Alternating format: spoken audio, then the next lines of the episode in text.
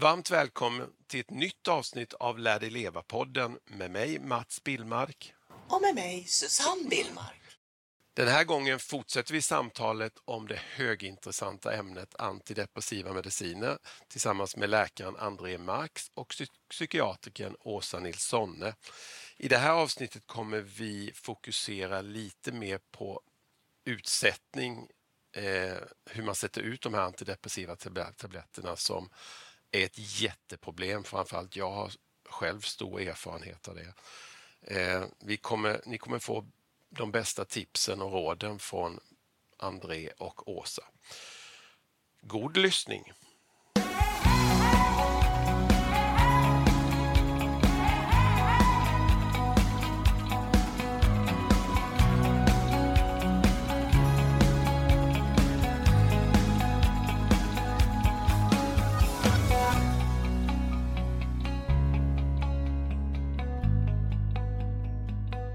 Måste ju vara lyckan för dig André, tänker jag, när du får en lyckad utsättning och du får den reaktionen hos en patient som säger att Gud, men det kan ju också bli en sorg att jag miss, herregud, ja, ja. de här 12 åren eller 6 åren. Ja. Men Gud, varför gjorde jag inte det här tidigare? Eller varför gjorde jag inte det här ett försök? Eller när folk tror att de har tappat sitt intresse för sex liksom, av ålder eller ja. så, så plötsligt så upptäcker de att nej, men liksom... Ja. och på finns... den vägen kanske de också har tappat en partner. Ja. Absolut. Finns, finns ju också risk för. Som inte har stått ut med en annorlunda person liksom, ja. än vad de hade ja, bara en sån tänkt sig leva med. Där får man också fråga sig, eftersom jag inte bara jobbar med nedtrappning utan också träffar patienter i egenskap av allmänläkare så träffar man ju hela spektrat av utmaningar som folk. De kan ha ont i tån och så vidare eller söka för lunginflammation. Majoriteten söker ändå för någon form av psykiska besvär. Jag tror att det är uppskattningsvis 50 procent av patienterna vi har. Ja, det är ju och, otroliga siffror. Alltså. Ja. och där har vi ju inte sällan de som söker för att de har problem hemma i relationen till exempel. Och där brukar jag alltid ställa frågan om det är någon av personerna som står på de här antidepressiva. Ibland är det en, ibland är det båda, ibland är det ingen. Oh. Men det är klart att ibland så framgår det ganska tydligt att det är de medicinerna som också kanske utgör problemet. Intimiteten och samlivet har försvunnit. Ibland från bådas håll om båda står på medicinerna eller från den ena parten för att den har satts in på medicin. Så att det är värt att ha i bakhuvudet när man jobbar med eh, patienter, tänker jag, som står på de här medicinerna. Jag tänkte också på någonting som du sa, Åsa, det här med hur barn påverkas till exempel. Och nu kommer jag ju säga någonting som jag vet att du är väldigt berörd av. Vi har pratat om det några gånger och vår dotter var ju väldigt liten när du började med den här medicinen. Och jag har ju någon liten då amatörteori om att hon är ju väldigt inkännande på dig. Och det tror jag har med hennes uppväxt att göra. Att du kanske har varit i dina bubblor ibland. Där hon har känt, för barn känner ju när en vuxen inte är närvarande mm. riktigt. Mm. Och det tror jag hon har känt av.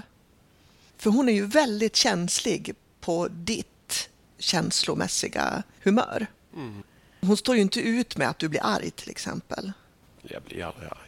Nej, men om du skulle bli det. Eller om du till exempel kanske inte... Nej, jag, nu kommer jag inte riktigt på något exempel, men hon är väldigt inkännande för ditt humör. Ja, kanske. Och sen är hon, hon har på något sätt blivit pappas flicka. Av flera anledningar. Också för att du är en fantastisk pappa. Tack. Men också för att hon eh, på något sätt har varit pockande på din uppmärksamhet, tror jag. En del. Kanske kan vara så. Jag tror det. Jag tänker, ska vi ta en liten bara paus eh, mm. och så går vi in mer på det här med bästa tipsen för en skonsam nedtrappning och eventuell utsättning.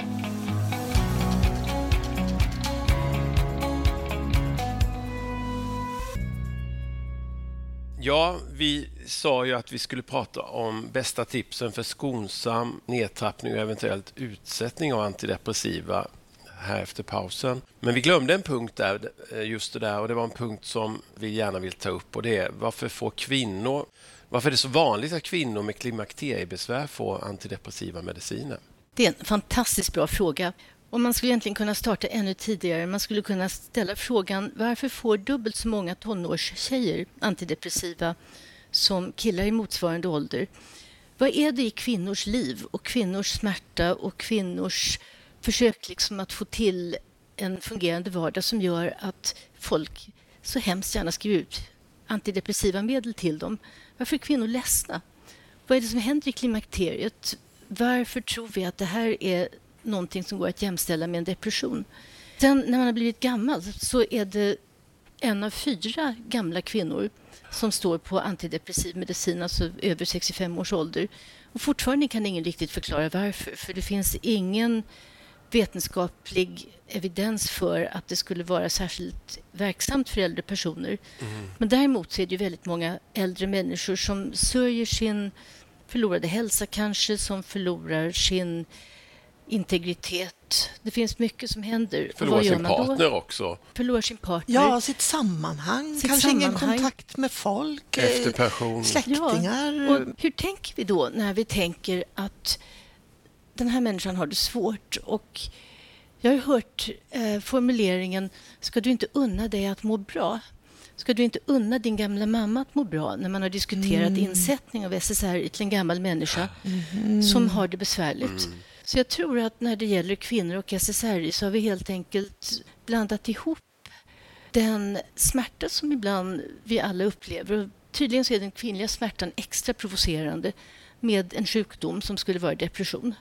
Och jag gissar att det är därför så många kvinnor medicineras. Jag tycker det, jag vet inte, det kanske också är mer hos kvinnor, men det är som att man blandar ihop livets normala svårigheter med det som ska vara en så kallad sjukdom.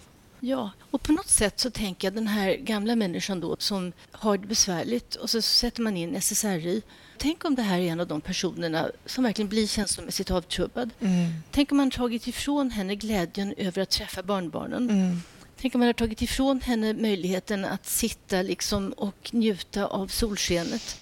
Oh. Tänk om det är det man gör när man skriver mm. ut SSRI. Och sen blir det också, det finns ju också mycket som talar för, man tappar ju energi. Du blir ju tröttare av de här medicinerna. Jag känner ju det att jag har ju inte den... Nu gör vi ändå mer projekt och mer saker än de flesta andra, men, men jag känner att jag har inte alls den kraften och energin. Vad som jag sa innan, där, den här perioden, jag har ju stått, varit utan mediciner sex månaders perioder. Då.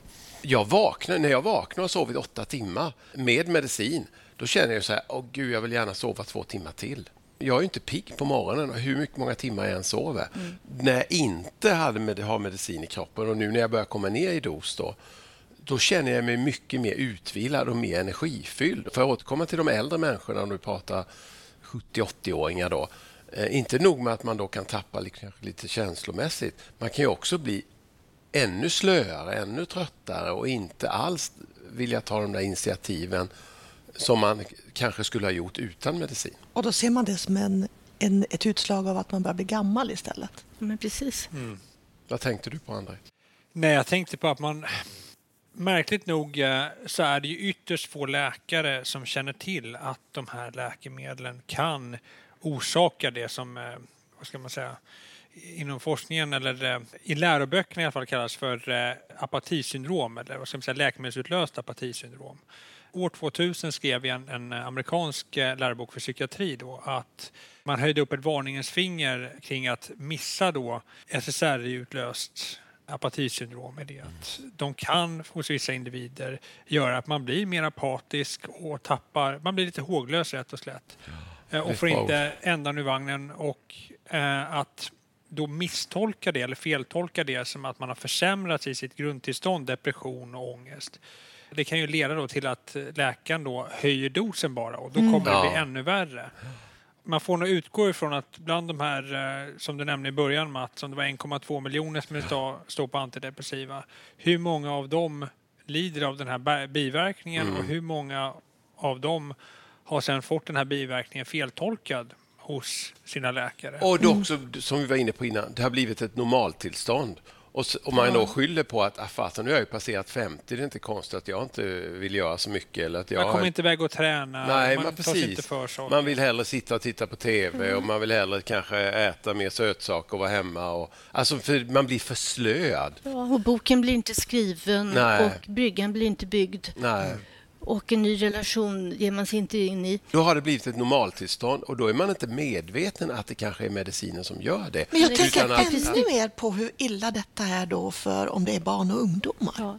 Som inte kommer till skott med någonting, Ja. som inte får någon livslust, som eh, missar sin ungdomstid. Liksom. Ja, och precis som Andreas säger så kanske läkarens respons blir då måste vi höja dosen istället så att du liksom Ja. Men där igen, alltså jag tycker man måste då och då flika in att för en del personer så är ju de här preparaten hjälpsamma och verksamma. Så är det. Problemet är ju inte att egentligen att det finns biverkningar. utan Problemet är ju att vi inte följer upp ordentligt. Mm. Alltså att man behöver undersöka hur har den här personen reagerat på det här preparatet. Mm. Och är det bra så är det ju bara jättebra, det är bara att gratulera. Men är det inte bra så måste man ju också kunna fånga upp det. Men även om det är bra, Åsa, ska man ändå rekommendera en livslång medicinering?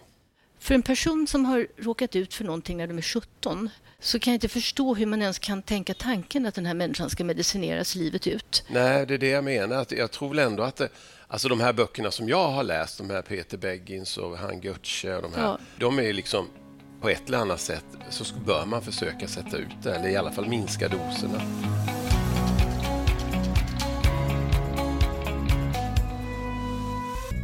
Men om man ska vara konkret då och ehm, egentligen prata om det som behövs så är det ju egentligen en, en ganska stor omstrukturering bland läkarkåren och läkarkårens arbete egentligen då. Och För som- att kunna sortera ut vilka är det som behöver det här på riktigt? Vilka är det som behöver göra nedtrappning? Hur går vi tillväga med det här på ett konkret, praktiskt, mänskligt sätt? Eller? Ja, jag tänker att vi... eh, Jag tror att vi, där vi är idag så har sjukvårdssystemet egentligen anpassats till möjligheten att förskriva de här antidepressiva. Vi har väldigt korta, till exempel i primärvården där jag jobbar, besökstiderna är korta, 20 i bästa fall 30 minuter där man får in en ny patient som där man på den korta tiden ska försöka förstå då varför patienten mår dålig. Det är stor ruljans på läkare på olika arbetsplatser så att det, det ska nog väldigt mycket till där i både strukturen av hur man jobbar på respektive arbetsplats men också att vi behöver höja kunskapsnivån för eh, hur man handskas med eh, de här läkemedlen. Vad är det som krävs för att vi ska, likt England som du berättade om tidigare, André, där man då helt plötsligt har börjat se det här på ett mer allvarligare sätt och man har börjat då förskriva det mer, med större försiktighet men framför allt då hjälper till hjälper människor som vill trappa ner och sätta ut de här tabletterna. Du är ju ensam i Sverige, det är ju helt galet alltså. En person i Ja, Vi Sverige. är, vi är några fler som eh, ändå intresserar oss för det här med nedtrappning men den mottagningen som, som vi är ansvarig för det är ju den enda offentligt finansierade mottagningen i alla fall som gör det här. Sen finns det flera andra. Åsa har en gedigen kompetens kring det här och andra utöver det. Jag tror att de som är mest tongivande och vars beslut får eh, är det som styr rätt och slätt i hur vården utformas när det gäller psykisk ohälsa och mottagandet av det. Där skulle den stora förändringen behöva ske. De här expertgrupperna som gör de nya riktlinjerna både på eh, Socialstyrelsen, på det som heter Janusinfo och VIS som vi läkare använder. De skulle behöva ta till sig den här nya kunskapen. Och jag tror att när, om de ändrar, förändrar riktlinjerna då kommer också enskilda läkare våga ta till sig den här kunskapen och göra annorlunda. Fram tills dess att det sker så tar det nog emot väldigt mycket för varje läkare. Nej, men jag tänkte bara säga att det, det är ingenting konstigt med det här därför att medicinen utvecklas ju hela tiden. Under en period så opererade man magsår sen upptäckte man att ja, men det var ju inte liksom något som behövde opereras, det var ju en bakterie och då plötsligt så börjar, då slutade ju folk operera omedelbart och började behandla med antibiotika istället. Så jag tror att läkarkåren egentligen generellt är väldigt förändringsbenägen och väldigt inställd på att det händer nya saker och så. Och jag tror att den dag som vi får lite bättre forskning och lite bättre underlag så tror jag inte alls att det här kommer att vara oöverstigligt. Dessutom vet jag många kollegor som är jätteduktiga på det här så det är inte alls så att alla skriver ut slarvigt eller att många låter bli att följa upp. Utan vi ser ju, André och jag och kanske ni också ser ju de fallen där det inte har gått så bra. Jag tror att väldigt ofta så kan man ju eh, känna sig ganska nöjd med hur den här vården fungerar. Eller vad säger du? Ja. Eh, nej, vad, ja, jag tror som sagt, som jag sa tidigare, att de flesta, om inte alla läkare, vi vill väl, vi vill göra det bästa för våra patienter. Men så som riktlinjerna ser ut idag, där det aldrig är fel att sätta in en medicin, men där du kan hållas närmast personlig ansvarig om du har satt ut en medicin och något händer. Jag tror att det utgör en väldig begränsning för många läkare eh, att ta steget att eh, tänka om. Det är nog väldigt besvärligt också att börja tänka om och öppna upp sig för att det kan vara, de här medicinerna kan medföra en del problem, inte minst när det gäller att trappa ut dem. Om man sen inte är beredd att också börja arbeta annorlunda. Det tror jag är jättejobbigt. Fast jag har en annan tanke där som är lite, lite vidare. Och det är att om man tittar på den illegala droghandeln så pekar ju konsumtionen bara rakt uppåt. Och det kan ju också vara så att vi har hamnat i någon form av em, förståelse för hur man ska hantera smärta i livet, nämligen att försöka ta bort den. För det måste ju vara mycket av det som driver drogtagande. Man, man tar droger för att man inte vill känna det man känner eller för att man vill känna något annat än det man känner. Så att egentligen så skulle man ju kunna se det här att folk kommer ju vill ha de här medicinerna. Det är ju inte så att någon kommer att tvinga på dem. Man vill ha smärtfrihet. Och jag tror att vårt problem med SSRI är ju egentligen ett underproblem i hela den här flykten från smärta som vi ser. Så där finns det ju också en slags um, attitydförändring tror jag som ska till både hos läkarna men även hos patienterna. Vi, vi har ju hela tiden talat som att det bara är läkarens ansvar. Men det är ju faktiskt den som har bett att få medicinerna, den som fortsätter att ta dem, den personen har ju också ett ansvar för hur de vill hantera sin medicinering. Och det finns ju de som bara säger att livet var för jobbigt, jag vill fortsätta med det här tills jag dör. Absolut. Där tycker jag ju ditt arbete är så fantastiskt, Åsa, med det här med acceptans. Jag älskar det, det här med acceptans. Det känns som att det skulle behöva spridas mer. För att det Ja. känns som att människor idag står inte ut med smärta som... Nu säger jag inte att man ska stå ut med all smärta, men det känns som att det är lite grann viss smärta som man vill få bort direkt som kanske är bra att känna. Förstår du hur jag menar? Jo, men visst, smärtan Den som man... naturliga Ja, smärtan. och den som gör att man till exempel tar sig ur en dålig relation eller som Ja. gör att man söker ett nytt jobb eller Smärta som vi lär oss någonting ja, av. som säger något, som har ett budskap. Mm. Vilket ju inte all smärta har, men en del av vår livssmärta har ju det. Mm. Och det här med acceptans tycker jag är så otroligt eh, fascinerande. Det låter som nästa poddämne. Ja, det, ja. Mm. det är ett känsligt eh, ämne, Ja, det är det. märker jag när jag pratar med andra om just acceptans. Kanske mest för att folk missförstår och tror Mm. att det betyder att man inte ska bry sig. Precis. Mm. Ska vi gå till vår sista punkt där och ge våra lyssnare de här tipsen som jag hade velat ha för 10-15 år sedan när jag fyra, vid fyra utsättningsförsök har gjort Mm. fel och satt ut alldeles för snabbt. André, ska du berätta för våra lyssnare hur ska man tänka nu om man vill trappa ner sin medicin? Ja, du, får, du är ju proffs på det här. Ja, jag tänker att det rådet som man egentligen alltid vill ge är ju att man gärna ska ha diskuterat och trappa ner medicinen med till exempel en läkare, någon inom sjukvården. Problemet vi står inför, eller har idag, det är ju dock att kompetensen eh, kring det här med nedtrappning och eventuella problem som kan uppstå om man inte trappar ner på rätt sätt, eller för den del även om man trappar ner på rätt sätt, den kompetensen är för låg överlag bland läkarna. Och det gör att det kan ibland bli rätt fel också när man frågar sin läkare om råd kring det här. Så som eh, vi brukar göra hos oss på, på nedtrappningsmottagningen när vi träffar patienter som önskar trappa ner. Det är ju initialt att först och främst kartlägga bakgrunden till eh, vem är det vi har framför oss? Hur såg eh, uppväxten ut? Ja, du går till och med tillbaka så. Absolut. Hur var det med, med anknytning och, och eh, vad jobbar man med och eh, hur ser ens sociala liv ut? Har man många vänner man trivs med? Känner man sig ensam? Dricker man alkohol? Överkonsumerar man alkohol? Alltså väldigt brett tittar vi. När började man uppleva problem första gången? Vad tror man att det berodde på? Vad har man fått för vård tidigare? Och det är ju för att bättre förstå hur vi kan hjälpa den här individen när de väl börjar och om de väl börjar trappa ner medicinen. För att vi var inne på det här med känslomässig avflackning och ett sätt att beskriva det på är ju att medicin, de här SSRI kan lägga sig lite som ett lock på känslolivet och tankarna. Har man då låtit det ligga på i år eller decennier till och med, då, då är det mycket som kan komma upp när man väl börjar trappa ner medicinen och den här känslomässiga avflackningen avtar. Så att det, det är en bit, en väldigt noggrann anamnes som vi pratade om tidigare. Det andra som är viktigt är att man är väldigt motiverad. Att man är införstådd med att det här kommer, jag brukar säga till patienten att utgå ifrån att det kommer bli besvärligt under nedtrappningens gång och efteråt. Även om vi trappar ner försiktigt. Och vad menar du med besvärligt?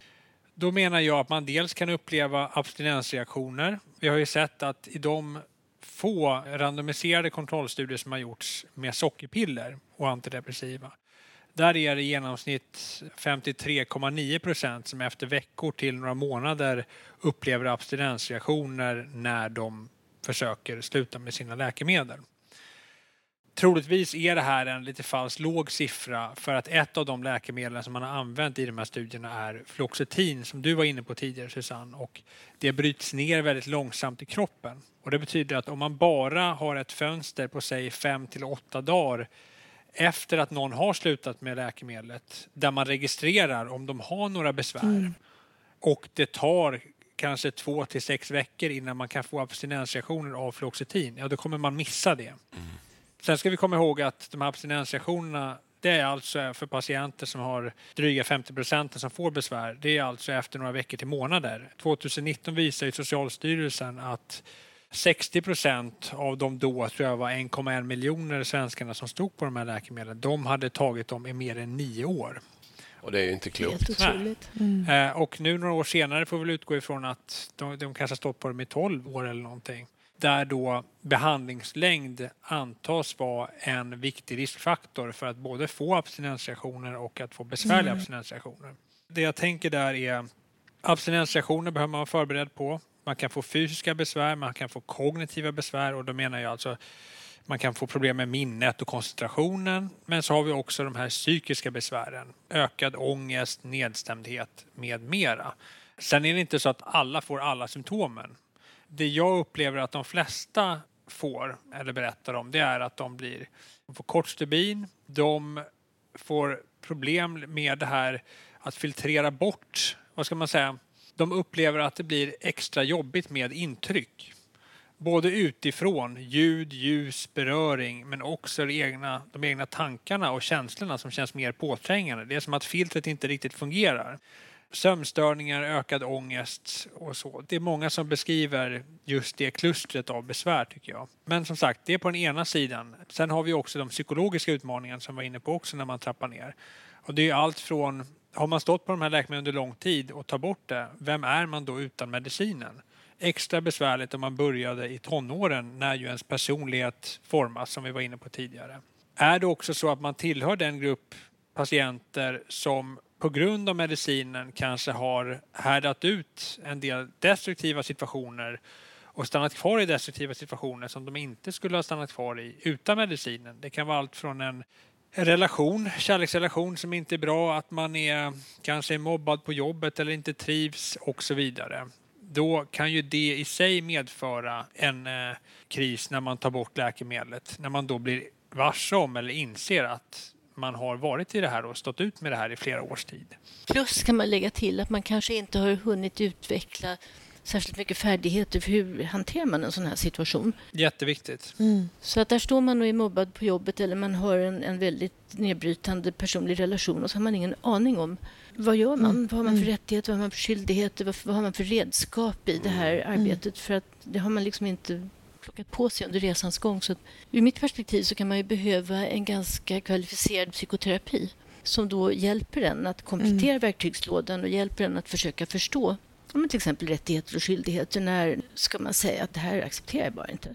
Det är inte självklart för en person som har varit väldigt dämpad i sina känslomässiga mm. reaktioner. Där tänker jag också, hur stor kunskap har psykologer om det här med SSRI och antidepressiva och uttrappning? Och... Det var ju en debattartikel nu i Svenskan, eh, tror jag, igår senast mm, om, om det här som jag faktiskt skickade till, till Mats. Där var det några, tror jag, från var det Lunds universitet eller psykologiska fakultet som framförde önskemål på att man skulle undervisa och ha kurser i lära om de här läkemedlen även för psykologerna.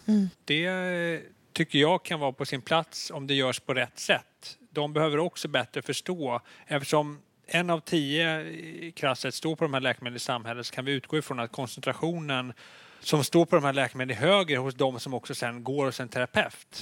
Och då behöver de ju också förstå hur läkemedlen påverkar patienten som sitter framför dem och den terapeutiska processen. Det är extremt viktigt. Ja, och det är, märker jag att det är eh, kunskap som saknas ibland när vi är ute och föreläser för eh, allt från psykologer till psykoterapeuter. För att återknyta till det som Åsa var inne på, det här med terapeutiskt stöd.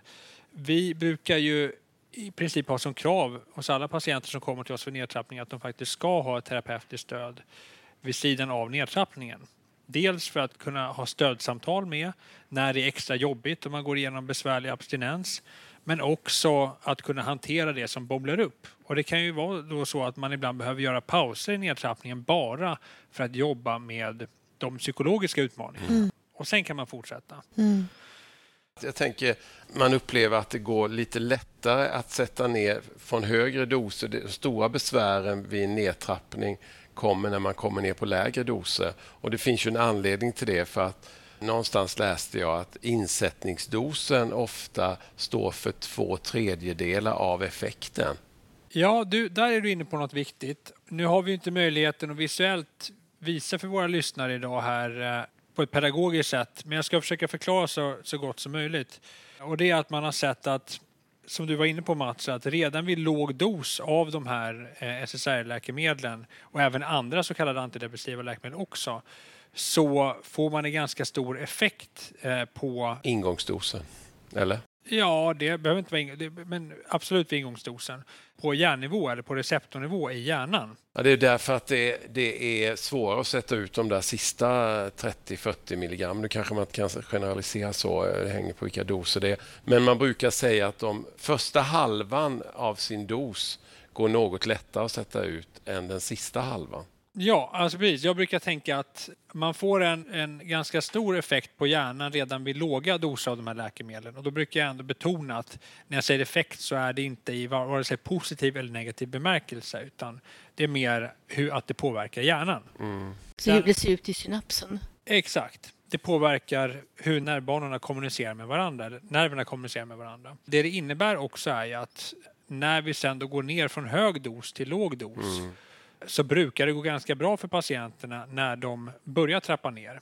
Och får de då ett tips från en läkare att vi säger att du står på maxdos av läkemedlet Sertralin, ett SSRI-läkemedel. Det är 200 milligram. Och så säger läkaren att nej du, vi ska göra en långsam och försiktig nedtrappning med dig. Så vi kommer ta bort 50 milligram varannan vecka. Oj, oj, oj, det är långsamt. Så att, eh, oroa dig inte. Och det brukar kunna gå ganska bra för många patienter. Men när vi då kommer ner till de sista 50 milligram som ska tas bort, inte sällan är det där problemen uppstår. Precis. För att det är där eh, förändringen på hjärnnivå blir som störst. Så att det vi brukar rekommendera våra patienter det är en det finns ju många forum på nätet och så där man rekommenderar mycket långsamma nedtrappningar. Kanske 5 eller 10 procent av dosen man står på. Man sänker då i månaden. Var fjärde vecka Ja, ungefär. det var fjärde vecka, precis. Vi, eftersom vi är vana att jobba med de här läkemedlen, brukar som regel eh, göra lite snabbare nedtrappningar. Jag brukar kalla det för att vi har en pragmatisk modell för hur vi trappar ner. Vi ser till att trappa ner, säg att man då ska trappa ner från 200 milligram sertralin, ja, men då kanske man börjar sänka med 20 milligram eller 10 milligram. Och då gör man det gradvis så länge som det funkar. Men när det börjar bli för jobbigt att sänka med den dosen vid varje tillfälle, ja men då är det läge att man minskar med ännu mindre. Eller kanske stå kvar till och med kanske en månad extra, eller? Ja, så kan man göra. Vi brukar väl tänka så att man ska ha varit stabil och känt sig normaliserad mellan två sänkningar lika länge som man eventuellt hade abstinensreaktioner. Så att har du upplevt besvär i en vecka med abstinensreaktioner, ja men då, då och sen normaliserats i ditt mående, ja, då ska du vänta åtminstone en vecka till. Sen innan du sänker igen. Sen kan ju du välja att vänta ytterligare läng eh, längre än så. Det är väl så vi krasst sett angriper det här problemet. Ju lägre sänkning, ju mindre sänkning ska man göra. Ja, och ibland gör vi så att vi i utgångspunkten kanske sänker med en rimligt låg dos redan från början för att patienter, för att de som kommer till oss har ju ofta negativa erfarenheter av tidigare nedtrappningsförsök. De kan vara skrämda eh, och ha en viss förväntansångest över att det inte ska gå bra och att då sänka några gånger i början där de märker att det går bra brukar också hjälpa dem med sitt självförtroende att hantera de här besvären. Och Utmaningen tror jag många har när de går till sina läkare och berättar om det här att de vill sänka långsamt, det är att läkarna inte riktigt vet om att man har möjligheten att förskriva eller man har möjligheten att beställa väldigt små doser till de här läkemedlen. Och det möjliggör då att man trappar ner i lägre trappsteg. Andra saker som är viktigt, det är också det här med vilka man har runt sig, anhörigstödet som vi var inne på hur ens liv i övrigt ser ut. Vi brukar avråda från att man trappar ner om man har precis i, ligger i en skilsmässa och man har vattenläckare hemma och om man har eh, blivit mobbad på jobbet, då är det inte läge att trappa ner. Eller om man kanske har en period på året där man mår lite sämre. Man kanske har, höstarna kanske är extra jobbiga. Då kanske, då kanske man ska inte trapp, börja nedtrappningen då eller kanske pausa nedtrappningen. Absolut. Har du något att tillägga som du har tänkt på? I det här året? Ja, jag tycker jag har haft mycket hjälp av att låta folk göra en lista över de symptom som de brukar få. För det är ofta samma från gång till gång. Vad menar du brukar få? Vid varje sänkning? Vid varje sänkning. Ja, ja. Och Det kan ju vara till exempel yrsel, eh, det kan vara ångest, det kan vara vad som helst. Och att då lista dem och sen också lista vad ska jag göra åt det här? För att minska den här förväntansångesten lite. Sådär att åh, liksom, nu ska jag snart sänka och fruktansvärt. Men om man då har listan, att, vad kommer att hända? Men först blir jag yr, vad gör jag då? Mm. Sen så kanske ångesten kommer, vad gör jag då? Framförallt liksom att tänka på för det första att det är övergående. Mm. Det kommer ju gärna sådana här katastroftankar av typen att den här gången så kommer det inte att gå över eller den här gången så, så visar det nog att jag är väldigt sjuk ändå. Och att man hjälper folk kognitivt att hantera och även information. Jag menar, det är ju bara 10% av våra serotoninreceptorer som sitter i hjärnan. Mm. Resten sitter i resten av kroppen och vet man det så tycker man kanske inte att det är så obehagligt att få symptom från magen för då förstår man att ja, men då är det ju helt naturligt. Mm.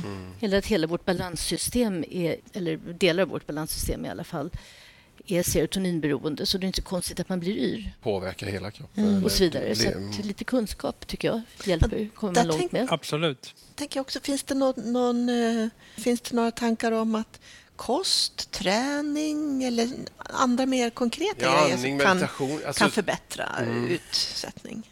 Det vi brukar rekommendera våra patienter det är ju att försöka upprätthålla en regelbunden träning under nedtrappningen. Just för att många av patienterna tycks få minskade besvär, åtminstone tillfälligt. Eh, minskade abstinensreaktioner när de rör på sig. Mm.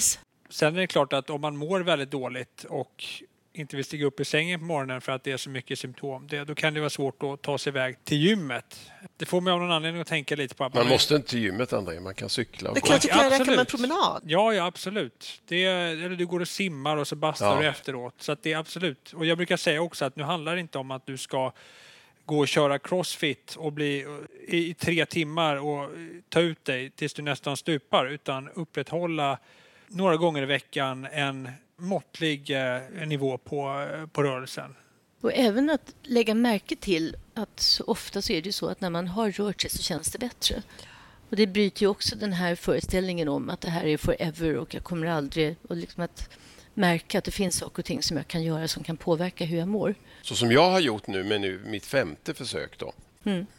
Jag har ju gått från 120, nu är det Cymbalta jag tar. Jag har gått från 120 milligram och nu ner på 25 milligram. Och så, vilket har gått väldigt bra. Men nu Härligt. gör jag det på rätt sätt. Mm. Följer en sida på Facebook som heter 10 metoden eller mm. sånt där. Den kan rekommenderas verkligen. Ja, mm. det, det är, man hjälper varandra. Alltså. Det är en mm. grupp man kan söka till. Jag tror den heter 10 metoden för nedtrappning av mm. antidepressiva mediciner eller något sånt. Där får man mycket stöd faktiskt. Och många, så fort någon skriver någon fråga så är det direkt 5, 6, 7, 8, 10 som svarar. Vad tror du Åsa in och skriver med ibland? Va? Jo, jag, jag, jag, har lärt mig mycket på den sidan. Ja.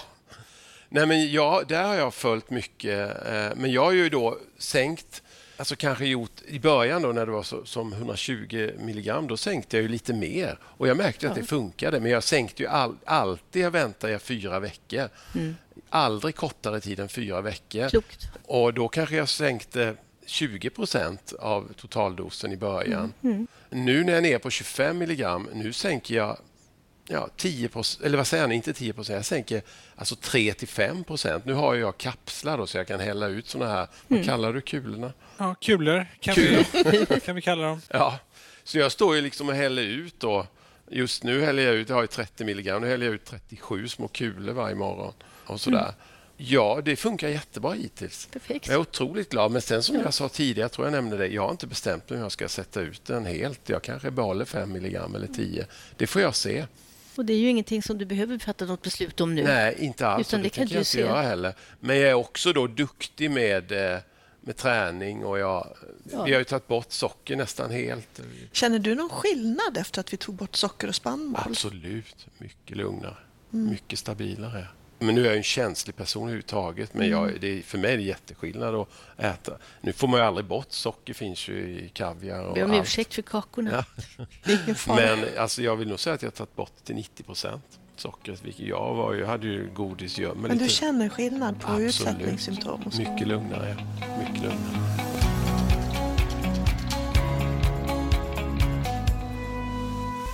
Då tackar vi André och Åsa för otroligt intressant lyssning tycker i alla fall Susanne och jag. Men vi hoppas att även ni lyssnare har fått massa matnyttig information om antidepressiva mediciner. Vi är tillbaka den 4 september med ett nytt avsnitt. Som ni vet kör vi alltid ett nytt avsnitt av Lär dig leva-podden första måndagen i varje ny månad. Så ha det gott till dess så hörs vi och ses snart igen. Hej då! Hej då!